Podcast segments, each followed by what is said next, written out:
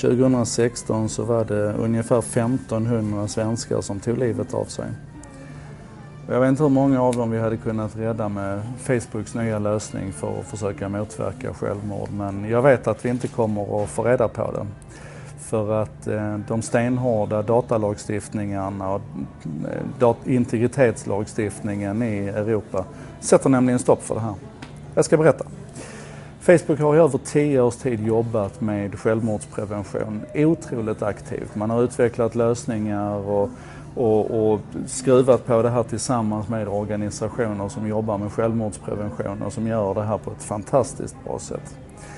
Facebook är inte ensamma om det här. Redan i avsnitt 28 tror jag var en sak idag så pratade vi om vad, vad Google gör med att försöka tidigt upptäcka kliniska depressioner, svåra depressioner utifrån sökresultat och vad man kan göra med det.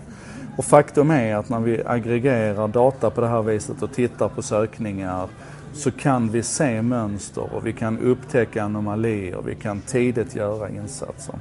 Och Facebook har verkligen tagit det till sin spets genom att under tio års tid arbeta med bland annat artificiell, artificiell intelligens som tittar in i livesändningar, analyserar kommentarer, tittar på kontexten och har alldeles uppenbarligen blivit ganska duktig på att, att förutse självmord och att, att gå in preventivt och försöka motverka det. Man har också jobbat tillsammans med olika former av organisationer för First Responders, alltså hur man ska hur man ska kunna vidta åtgärder mot det här. Och det man har gjort nu är att man har byggt ett helt system runt detta där man alltså har, har gett dem verktyg för att snabbt kunna hitta rätt i livesändningar, konstatera var, var finns de kritiska punkterna, vad kan, vad kan vi som människor bidra med, vad kan tekniken bidra med. Ja, ni, får, ni kan kika på det om ni är intresserade men faktum är att det här är så bra nu. Det får så mycket tummar upp ifrån de organisationer som jobbar med självmordsprevention. Att man nu rullar ut det här över hela världen. Det är en stor utrullning över hela världen, utom i EU.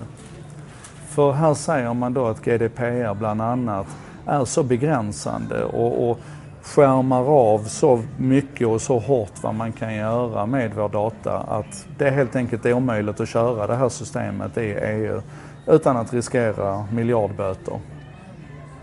Och det här är, alltså vi har ju gjort det här, vi har tagit de här, den här lagstiftningen, vi har fattat de här reglerna för att vi för att vi är måna om den personliga integriteten och för att vi vill att i Europa så ska man känna sig, sig trygg och man ska veta att ens data liksom är i säkra händer och äga den själv. Och, och det där vi har pratat om innan. Men faktum är att, att det blir tydligt här nu, det blir otroligt tydligt att vi får inte en chans att rädda något av de här 1500 liven. Och så tydligt har vi nog aldrig riktigt sett innan. Jag tror inte riktigt att vi har varit tydliga med att vi, vi har liksom sett att om vi, om vi skärmar av den personliga integriteten och vi bygger GDPR på det viset som vi har gjort så kommer det vara jäkligt, det kommer komma med en kostnad för de stora företagen och det är väl gott och väl för de har ju pengar. Men den här kostnaden i människoliv eller potentiella människoliv den tror jag inte att vi riktigt har tittat på. Lika lite som vi kanske har funderat på att vi kommer gå miste om möjligheten att, att processa stora datamängder och kanske hitta mönster där som gör att vi tidigare kan hitta lösningar på sjukdomar och så vidare. Och jag vill bara att vi ska ta, ta tag i det här lite grann och, och ta det perspektivet med oss och fundera på riktigt över vad det här innebär. Och eh, vad är väl bättre, ett bättre, vad ska man säga, vad är en bättre spegel för det än, än de här 1500 självmorden vi har i Sverige varje år som vi nu inte kommer att få. Jag tycker, det, jag tycker inte det här är... Det känns inte bra att vi som enda region i hela världen ska stå utanför det här arbetet och inte kunna ta emot den här möjligheten.